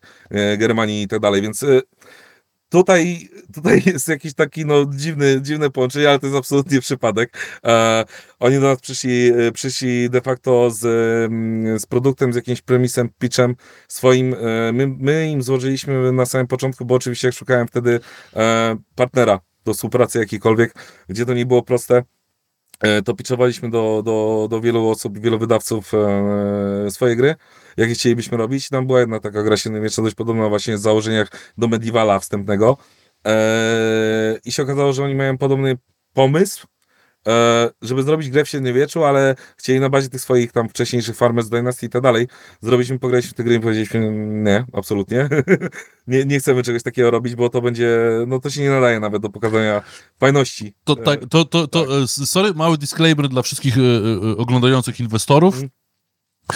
że gry niemieckie są słabe. To tak, tak, tak sobie to ustalmy, nie? Że jakby poziom niemieckiego game devu Ale jakby tutaj niestety muszę oddać, bo to był polski deweloper. Nie, nie tak, chcę- ale, znaczy, ale wiesz co chodzi, nie? Jakby, tak. jakby tak, się tak. wydaje, że niemiecki rynek i Mhm. pieniądze i deweloperzy nie, i tak dalej. devem nie stoi absolutnie. To... To jest niesamowite, nie? Jakby w, w porównaniu nas do nich, to, to, to znowuż jesteśmy... Tak, ryneczek jest bardzo mały, też, y, też to jest y, no-brainer, że mm, po naszym sukcesie i oczywiście współpracy, bo naprawdę ta współpraca super jest, super się układa i my się rozumiemy, de facto mamy dużą swobodę, ja jeszcze nigdy nie pracowałem z wydawcą, który de facto by dał tyle swobody deweloperowi, bo a trochę i było po drodze e, i żeby, żeby naprawdę nie zaglądał w każdy kąt, czy te euro, dolarki, czy cokolwiek to by nie było, są wydawane w dobry sposób. E, tutaj, tutaj ta swoboda była. Ja się absolutnie nie dziwię, że zaczęli inwestować mocniej w polski rynek.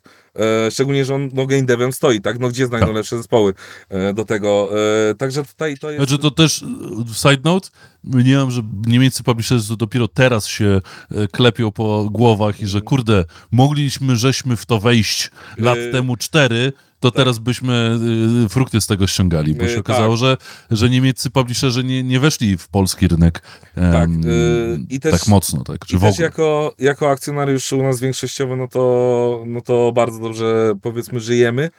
Ja mam pełną swobodę w zarządzaniu spółką i jej kierunku, więc, więc tutaj, tutaj nie ma problemu z takimi rzeczami. E, I nawiązując do pytania odnośnie tego IP, e, my je wykupiliśmy, no bo po prostu to jest mimo wszystko firma, firma. Mhm. No nie można tak robić, e, no chyba, że jest jakieś takie inne prawo, ale jest, jest coś takiego, co się nazywa um, prawo międzynarodowe, no i przekazywanie mhm. wartości materiałów takiej, o takiej wadze, jakim był Medieval po premierze, no siłą rzeczy musiało być wyceniane, musiało być zrobione, tak? Więc, e, więc my po prostu usiedliśmy do rozmów. Ja bardzo chciałem ten tytuł mieć u siebie, ze względu na to, że wiedzieliśmy, jaką pracę włożyliśmy w jego rozwój. Nie chciałbym w przyszłości na przykład, żeby drugą część, która no już wtedy było widać, bo my to wykupiliśmy w połowie 2021 roku, czy już e, grubo po sprzedaży tego Early Accessa, który nam tam sprzedał się chyba na początku e, w 600 tysięcy egzemplarzy do tamtego momentu, czy, czy coś takiego. Co na wtedy też było szalone. No to wtedy było oszałamiające, tak, więc, y, więc dla nas, y, dla nas y, to, że w ogóle była szansa na wykupienie tego też był wow, duży plus, bo, bo po takim sukcesie no, nikt nie musiał, tak?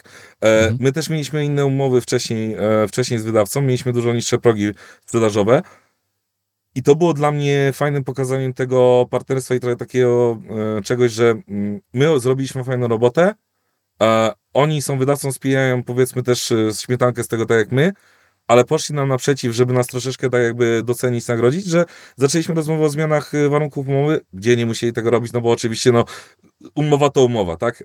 E, nie, nie musisz tego no. zmieniać, a po, po sukcesie to szczególnie. Więc poszli nam na to, żeby zmienić umowę na 50 na 50 i usiąść do rozmów na temat IP. Finalna cena została wyceniona na, na 2,5 miliona euro. E, Ghost Runner chociażby sprzedał się 5, za 5 milionów euro. Więc myślę, że to też cena nie była e, jakoś szalenie duża. Oczywiście to, to zawsze boli, no bo trzeba było wydać na to pieniądze e, i tak dalej, ale, ale finalnie, no to chociażby teraz mogę bardzo łatwo o tym mówić, bo widzieliśmy na przykład premierę Housekeepera dwójki.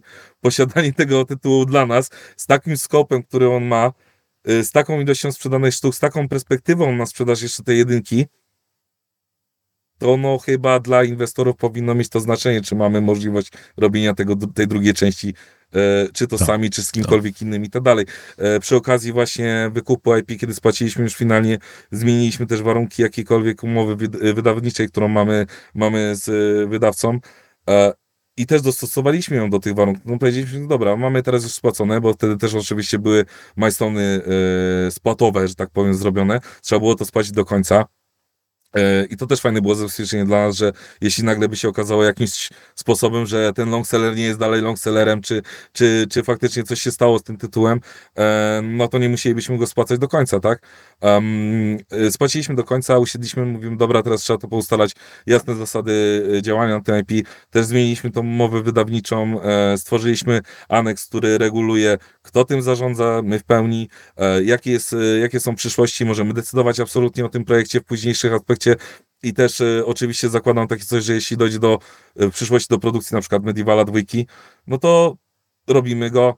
E, wysyłamy też oferty. Oczywiście nasz wydawca też zostanie, no bo mają pierwszeństwo, e, pierwszeństwo w, w złożeniu oferty, ale nie musimy absolutnie z nim dalej mhm. robić tego, czy z kimkolwiek innym. Możemy zdecydować absolutnie w każdą stronę, jaki ten tytuł może pójść, co jest super dla spółki finalnie, bo mamy już jedno IP, które bo ja zawsze tłumaczę inwestorom, że zawsze mogą być różne sytuacje, czy chociażby na przykład flop drugiego projektu, czy cokolwiek by się nie wydarzyło po drodze naszej.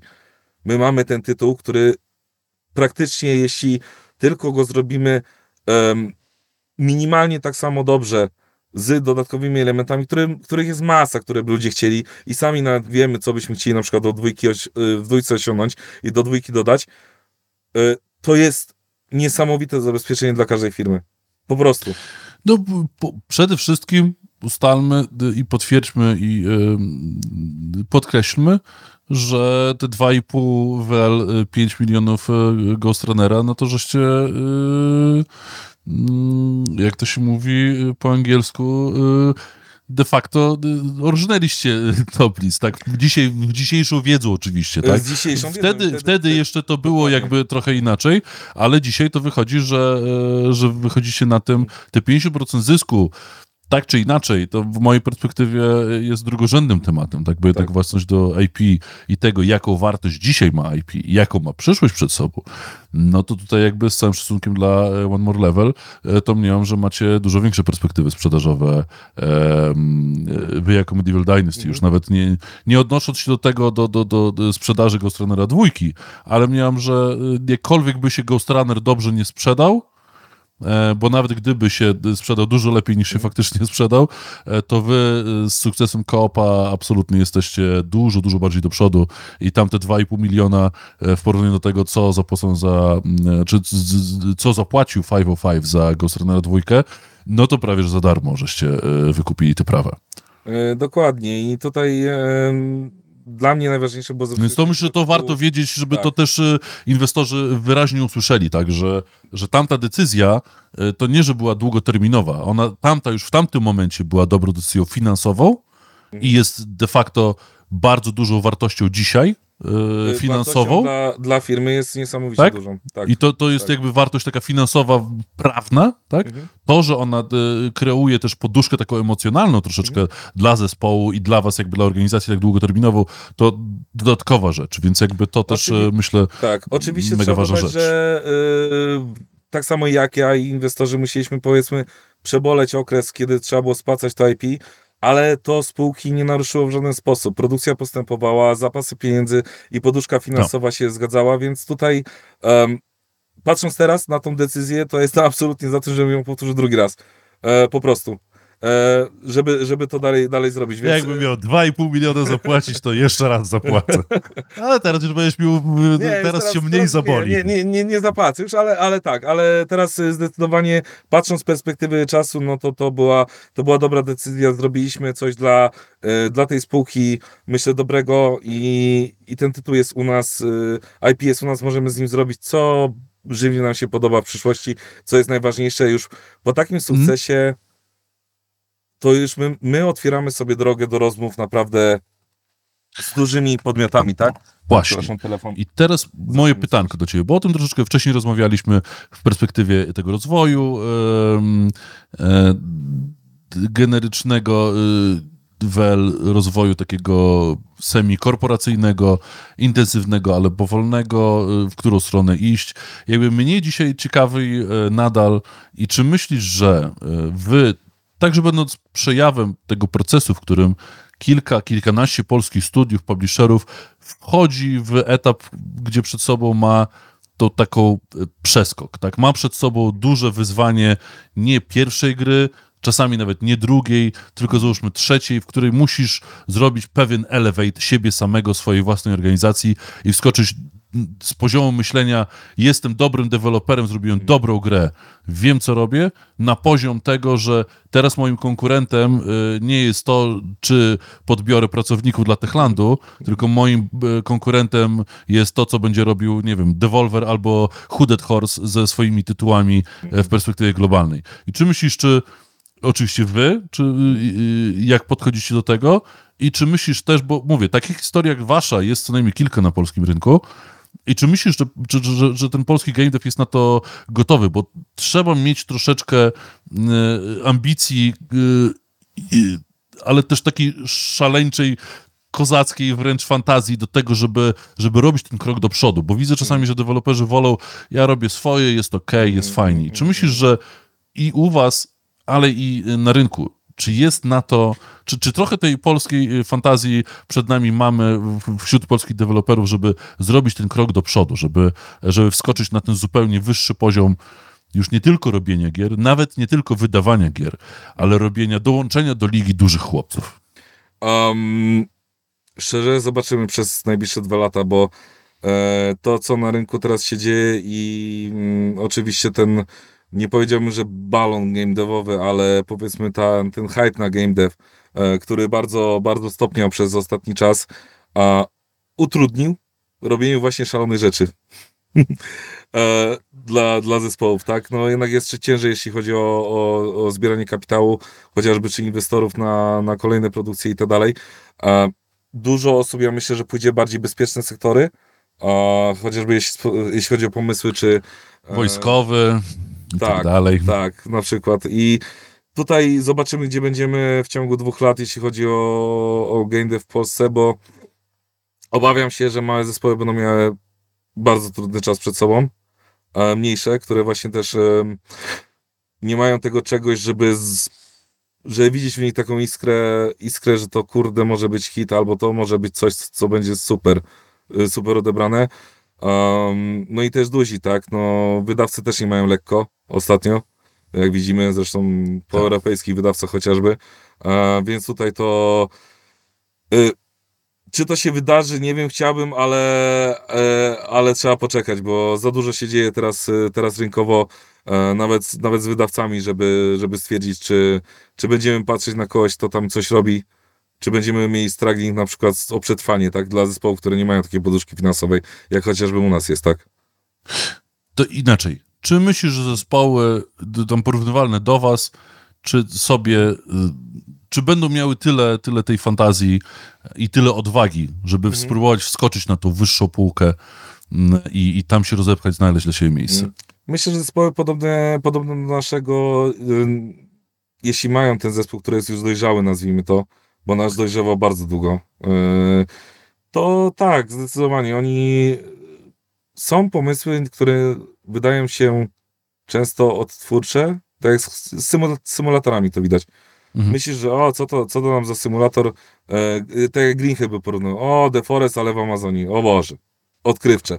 Okazało się, że dodali bardzo fajne mechaniki dodatkowe. Co do też y, znowuż, tak. nie oszukujmy się, koncepcja Medieval Dynasty sama w sobie też. jest mega prosta. Tak, ale jednocześnie jak się dokładnie. na tym zastanawiasz, mhm. no tak, ale to aż tak dużo było tego typu tytułów w tamtym no. okresie, czy przed, czy nie, po. No nie, nie no nie ma, tak. nie ma 40 czy 30 gier podobnych do Medieval Dynasty. Yy, nie, i to właśnie nas wyróżniało. Więc egzekucja tak jest wszystkim, tak? Tak, tak samo Green Hella odróżniało od The Forest y, bardzo wiele rzeczy, jeśli chodzi o mechaniki, które były zaimplementowane.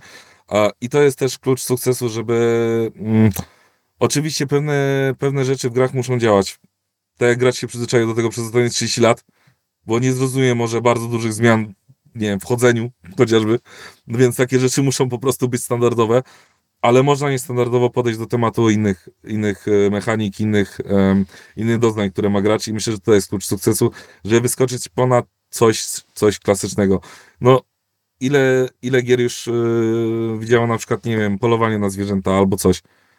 Ale zrób to polowanie fajnie.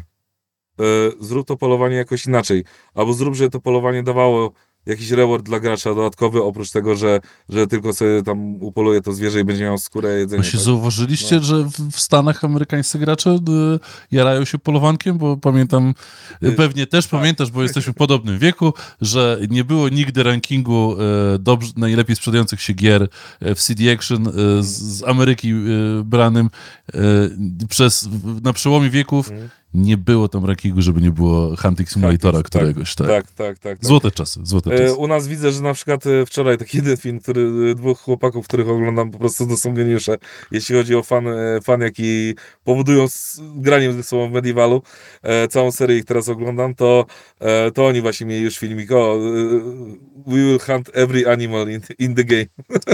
Co, czyli jednak klasyczny, classical American, tak. Musicie wzmocnić ten segment chyba jakąś, jakąś specjalną to. No bo nie, teraz chyba będzie walka, tak? Będzie walka, czy, czy, czy, czy nie mówicie chcemy, teraz o tym? Bo, chcemy bo, rozbudować bo, e, ten element, e, bo Bo to jest takie tam, gdzieś tam nie, nie, nie do końca widzę, żeby to było e, jasno powiedziane. W niektórych wywiadach było, w niektórych informacjach nie było i tak trochę chcemy, czekam na ten tak. fight, a trochę nie wiem. Tak, nie chcemy ujawniać, okay. ujawniać za dużo, co będzie w tym update'cie, bo nawet dla graczy że po prostu to było, to było trochę niespodzianek. Um, ogólnie chcemy rozbudować na pewno, na pewno ten element fightingu, e, jednak musimy mieć w głowie, że gro graczy u nas to są gracze, mm, nazwijmy to Simsowi casualowi, którzy lubią też spokojną rozgrywkę, ale przez to, że dodaliśmy bardzo fajny element do gry, na początku wahałem się bardzo, czego dodawać, bo to trochę wygląda jakbyśmy dodali trainer czy cheaty do gry, czyli mhm. kustomizację rozgrywki. W każdym momencie można ją skustomizować, nawet w trakcie rozgrywki. Można wyłączyć, nie wiem, bandytom HP albo cokolwiek, nie?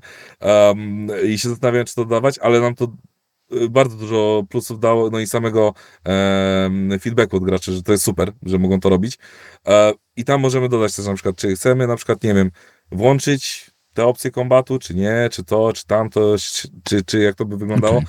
Jest parę tych pomysłów. E, na pewno oprócz kombatu chcemy też rozwinąć e, inne elementy gry, które były nazwijmy to delikatnie zaniedbane, jak chociażby ubiory dla, dla graczy, czy dla, dla wioskowych ludzi. Tak, było to wcześniej pytanie, bo, sorki, że nie wspomniałem, o, bo jakby one lecą, a ty strasznie dużo gadasz, więc też ciężko jakby się e, wpiąć, ale było pytanie właśnie o, o skórki, skiny, mikrotransakcje i czy nad tym się zastanawiacie? Yy, tak, zdecydowanie, no ja myślę, że w 2024 już e, temat zacznie być, e, być rozwijany tutaj u nas. A, po pierwsze musimy też zobaczyć, jak jak to zrobić, żeby na wszystkich platformach było ok, bo jak się w coś y, kolokwialnie pierdzielimy z tym wszystkim, no to będzie, mhm. będzie duży problem, bo mamy tyle tych platform, że każda działa inaczej, a więc to nie jest takie proste, o dodajcie dwie skórki i dacyt. No na Steamie może by było, ale nie na obydwu konsolach, e, jeszcze powiedzmy ze starszą generacją, czy, czy na tych wszystkich platformach, które mają osobne, e, osobne SDK u siebie. Więc to trzeba przemyśleć bardzo dobrze. E, ale tak, DLC-ki to jest jeden z takich tematów dla mnie istotnych na 2024, że jak już osiągniemy ten kamień milowy, czyli konsolę z koopem, to zaczniemy, a, zaczniemy rozwój, rozwój tej gry o dodatki i tak dalej. Okej. Okay. Pytanko jeszcze było o VR-ową e, wersję. Mm. Czy tam Toplis będzie też e, korzystał, e, czerpał zyski, tak? E, tak, bo bazowo ta gra jest na licencji Medieval Dynasty naszego tytułu mm -hmm. jedynki.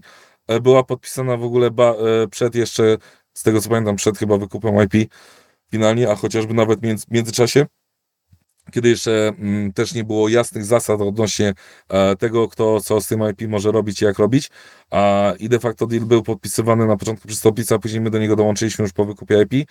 A, więc, e, więc tak, mają, mają swój dział sprzedaży. jest to porówno razem z nami, ale poziomów nie, nie będę mówił. Jasne.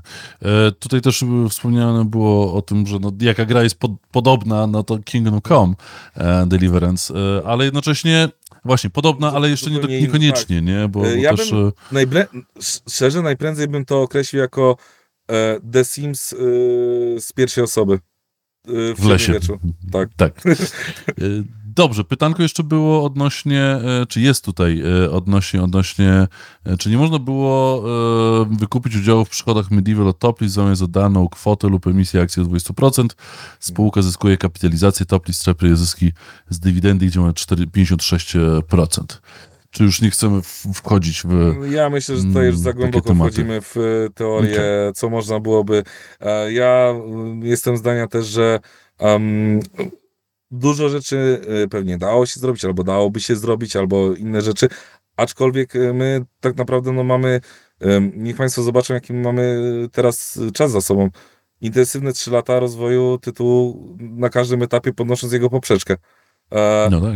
Y, tak. I, I de facto dla mnie to jest najważniejsze niż teraz zastanawianie się nad tym, co można byłoby zrobić gdyby.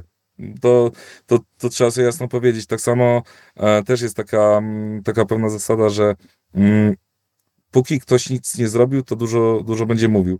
E, mhm. Game nie jest łatwy i e, różne decyzje, to był pierwszy inwestor, też inne, inne warunki umów wcześniej i tak dalej. Mogli nie pójść na praktycznie żadną z tych rzeczy, która została dowieziona e, po drodze, jak wykupy IP, e, czy chociażby podniesienie progów. E, więc myślę, że to jest duży sukces, że udało, udało się takiego partnera znaleźć, a, bo to nie jest proste i ja myślę, że każdy, kto by zaczął na przykład taką drogę, ścieżkę game devową, jak chociażby my tutaj znamy z, z naszych historii, a, to mógłby, mógłby się mocno, mocno zdziwić, przeliczyć, jak to wygląda od kuchni, jeśli chodzi o, o biznesową stronę i jak to może wyglądać od kuchni. E, także tutaj myślę, że e, nie ma... E, Zaznaczmy też, że game tak. dev poza tym, że nie jest trudny, to też jest nieprzewidywalny. nieprzewidywalny Bo faktycznie to, to, z czym dzisiaj się jakby. Tak. mierzymy, tak, że, że ta sprzedaż, która jest teraz, w tym roku, do różnych gier, Mhm. e, ona nie była do strakowania, ona nie była nawet do wyliczenia w żaden sposób. Tak jakby AAA, d- ci, ci najwięksi wydawcy, e, Sony, EA, mogą Ubisoft pewne rzeczy wyliczać na bazie tego, ile im się ostatniego Assassin's Creed sprzedało, tak? Ale cała reszta rynku, te pozostałe 90 parę procent, e, jeśli chodzi o ilościową, czy 99% tak A naprawdę ilościowo gier, Tak. tak, no 99% gier sprzedawanych regularnie na rynku, tam nie ma mechanizmu, tam nie ma rzeczy, które można e, na twardo odnieść, jeśli chodzi o sprzedażowo, jak się sprzeda, dlaczego się sprzeda i co można było zrobić, a czego nie można było zrobić, bo e, zmiennych jest sporo, tak? To nie jest kwestia tylko i wyłącznie dostawcy i, i odbiorcy, e, czy też jakby tego, że wydawca może albo nie może, bo tak naprawdę i, i wydawca ma kilkanaście wyborów, przy, czy, czy ścieżek wyboru przy każdej de facto decyzji bizne- biznesowej i wy również, więc jakby to też trzeba e, o tym pamiętać, tak? Dokładnie. E, także ja myślę, że tutaj trzeba, trzeba podejść na chłodno. My, my spółkę, patrzeć na spółkę jako spółkę, e, gdzie ona idzie, jakie będzie miała przychody w przyszłości, tak samo jak będzie wyglądał rozwój Medievala i ten jego ogon sprzedażowy, bo to są chyba najważniejsze KPI, które są przed spółką. Oczywiście w przyszłości nowy projekt i, i kolejna na przykład, nie wiem, część Medievala i tak dalej. To są to są Voiceover jeszcze było pytanko. Jeszcze było pytanko o voiceovery, bo to też Mhm. jakby. No, jest, je, je- jest to jakiś element, nie? Bo, bo e, w, znowuż w, do Kingdom Come to jakby mówię, to trochę inaczej się e, odnosić, e, bo też jakby gra inaczej była planowana i też Tak. w, no, w innej rzeczywistości tworzona, nie? nie Tak. I to nie był oszukujmy RPG się. taki z krwi i kości, tak. Tak, e, ale do Valheima jak się porównamy, no to tam no te, te voiceovery no trochę są, trochę nie są, ale tam ta no, no właśnie, no, u nich też nie ma voiceoverów takich e, w pełni, tyle że no warstwa dźwiękowa jest jakby muzyczna na pewno e, inna niż, niż u was. E, U nas jest e, i tak już teraz przy tym update'cie koopowym dużo, dużo lepiej niż było na początku, bo na początku voiceovery e, nagraliśmy e, zewnętrznych, przez zewnętrzne podmioty, tylko na zasadzie najprostszych rzeczy, które można było zaimplementować, czyli hi, hi hello, goodbye, a, które, które NPC mówiły. Teraz dodaliśmy tak zwane czatery, czyli to, co słyszysz w tle, jak Wiedźminie się przechodziło przez miasto i oni coś sobie tam rozmawiali, ci NPC, no to u nas to dodaliśmy teraz. A, było to Ale te kurczaki podejście. teraz drogie, dajcie panie E, spokój. No. Dokładnie, dokładnie. I ten. I e, dodaliśmy to jako, e, jako bonus do tego koopa, bo chcieliśmy po prostu przetestować na przykład studio dźwięku, które mamy u siebie i spróbować znaleźć u nas na rynku lokalnym aktorów, którzy byliby w stanie nagrywać takie rzeczy. A największą przeszkodą do dodania na przykład em, całości e, voiceoverów do naszej gry było to, że mamy mechanikę starzenia się ludzi w grze. Czyli to samo trzeba byłoby nagrać dla dzieciaka, dla y, nastolatka, dla dorosłego, dla starego, w dwóch wersjach płci i w kilkunastu wersjach, e, że tak powiem, osób, które by to nagrywały, żeby nie było słychać w kółko tej samej osoby. To jest Brzmi jak większy- robota dla AI. to jest, to jest robota, testowaliśmy ja i niestety y, te rozwiązania, które są dostępne nazwijmy, na rynku jeszcze nie spełniają moich oczekiwań jakościowych. Tak To, du, to dużo powiedziane, bo ja ostatnio my się bawiliśmy też w jeden e, trailer, e, który, który, który AI czytało i Do prostych rzeczy... to nie jest tak, że to, to nie jest idealna forma. Tak. Da się tam to gdzieś Tak. doprowadzić i, Tak. i nie zawsze wychodzi, ale takie standardowe podejście to jest, że puszczasz tekst i Mhm. AI czyta przez e, parę sekund, a potem zaczyna wy- robić miny i wykrzywiać głos z jakiegoś absurdalnego powodu, Tak. więc to nie jest, to nie, jest- jest takie różowe, tak. że AI wszystko zrobi. Tak, nie? to jeszcze nie jest ten etap, że jak y, my przepuszczaliśmy przez AI e, kilka naszych tekstów, ale widzieliśmy, że na przykład właśnie to, co powiedziałeś, intonacja, charakterystyka, e, samo aktorstwo w tym, co oni mówią, Tak. nie się działo i, i było słychać mimo wszystko to, że to jest e, sztuczne.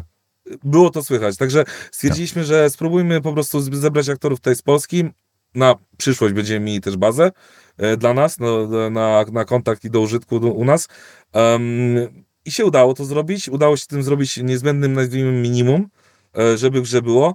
E, na tyle, na ile systemy pozwalały. No bo faktycznie, jak ja pomyślałem o tym, ile mamy tekstu, a mamy ponad 400 tysięcy słów w grze e, i trzeba byłoby to nagrać e, 18 czy 20 razy przez różnych aktorów, e, żeby były różne głosy tego samego powtarzającego się w kółko, no to jest task praktycznie niemożliwy. Brzmi jak zrobienia. task dla AAA-owego studia, którym Tak. przecież w końcu E, jesteście. No, takie, takie są oczekiwania inwestorów, to- więc E, Ale bierzcie się do roboty. No, będę obserwował, jeśli Rockstar to zrobi, to może. nie, no, nie, nie oszukujmy się, nie? To jakby jest... e, To nie, no brainer, oni będą mieli nawet po hiszpańsku. Więc No, myślę, że to chyba drugi język odbiorców tej, tej, tak. tejże gry, ale to, to, to zostawmy. E, dobrze, e, słuchaj, bo już się trochę żeśmy... Ty się rozgadałeś w dużej mierze. nie? ja lubię rozmawiać, o Jezus, jak, jak, jak mi pozwolisz, tylko to nie pozwalaj. Chyba trochę pozwalałem, tak, tak mi się wydaje przynajmniej. Nie, po, pozwa, pozwalałeś, ja dziękuję Ci za ten, za możliwość e, porozmawiania, bo em, lubię, lubię na takie tematy właśnie typowo, które mnie interesują, no a widać, że, że raczej e, pasjonujesz tym, co robię, to, to lubię porozmawiać po prostu i ten... Jesteś po prostu najciekawszą osobą, jaką znasz, to dlatego. Może, może za, dużo Albo przynajmniej w pierwszej piątce jesteś, E, no. Tak, e, ale, ale lubię porozmawiać o tematach, e, o tematach, które mnie interesują i, i też tłumaczyć e, ludziom tak samo jak ci inwestorzy, bo ja domyślałem się, że e, no zawsze są nas tutaj, e, tutaj uczestnictwem, a żeby troszeczkę mm, od kuchni zobaczyli jak to wygląda, a nie tylko tak z perspektywy kursu na giełdzie, no bo to, to nie jest wszystko. E, Tutaj, tutaj trzeba patrzeć długofalowo na spółkę, tak samo jak powiedziałeś, bardzo mi się to podobało o tych startupach w Stanach. No, e, tam nie, nie recenzuje się startupu po 5 minutach od wyjścia sprzedaży, tak? E, tylko o tym, gdzie on jest za 10 lat. Czy się zrobi Tak, no. Microsoftem, czy nie, tak? Więc to ja podchodzę bardzo spokojnie do tego i to też jest fajne podsumowanie. Ja ze swojej strony tylko mogę dodać, że tak jak sobie obserwuję e, rynek, e, czy game devowy, ale inwestorski również, e, to, to widzę, że tak jak jesteśmy przed, w przededniu takiego pewnego skoku, to co mówiłem, tego, tego dołączenia do Ligi Dużych Chłopców dla niektórych zes- polskich zespołów, bo jednak parę, parę studiów polskich, naście, powiedzmy, już tam jest w, pewnej formie i kolejnych kilkanaście jest w kolejce, em, to myślę, że jak te studia, chyba w perspektywie tego najbliższego roku, albo przynajmniej kilkunastu miesięcy, mm, kiedy kolejne te kilkanaście, kilkadziesiąt studiów dołączy do tego grona, mm, to też myślę, że, że, że i też wiedza o, o tym, e, jak się robi game dev w tej dużej skali i dlaczego czasami coś wychodzi, a czasami, czasami coś nie wychodzi. I pewne rzeczy robi się długoterminowo, myślę, że też ta, ta wiedza i dla tak zwanego rynku kapitałowego też tam, e, też tam się pojawi, też dotrze. Mm, Więc sobie tego, e, myślę, powinniśmy No, życzyć, tak, żeby, Oczywiście. żeby, żebyśmy d- dorośli do jakby s, y, swoich własnych tak naprawdę wybujałych ambicji, które 10 lat temu były absolutnie nierealne, e, ale się okazało, że są i teraz tylko musimy zrobić więcej niż, niż, niż robiliśmy, mm, e, bo, bo chyba jesteśmy w stanie i mamy ku temu wszelkie możliwości. Oczywiście. Także ja Ci bardzo dziękuję. E, Bardzo fajnie się e, gadało. Bardzo fajnie, że, że udało się poruszyć sporo różnych wątków i, i na parę nawet pytań odpowiedzieć. Także też dziękuję za e, udział wszystkim mm, inwestorom, komentatorom, bo mniemam, że, że wszyscy jesteśmy w tym tak naprawdę razem, jako, jako grupa zainteresowanych. Mm, A o tyle fajnie, że Medieval Dynasty jest wdzięcznym tematem, e, trochę może nawet zaskakującym, bo ja, ja spodziewałem się jakiegoś tam sukcesu, ale, ale ten, na, na który, który nam zgotowaliście, mm, myślę, wykroczył ponad wszelkie oczekiwania, więc tym bardziej dzięki za to i bardzo fajnie, że się udało, graty za to. Mm, Super. i Teraz e, szerokości. God, Godspeed na, na, na kolejnych e, ścieżkach wesołych świąt i e, słyszymy się. Tak, my wracamy po świętach, e, po nowym roku do dalszej pracy i dalej będziemy rozwijali tę grę jak tylko najlepiej się da, patrząc co przyniesie przyszłość i, i tyle. I wszystkiego dobrego dla, dla Ciebie, dla słuchaczy, dla inwestorów i, i, i dla wszystkich zainteresowanych i zgromadzonych wokół game devu, bo to jest super branża, trudna branża, ale super branża. Też jestem tego zdania. Dzięki bardzo. Trzymajcie się wszyscy. y, Powodzonka miłego i smacznego pieroga świątecznego. Dzięki. Cześć. Cześć.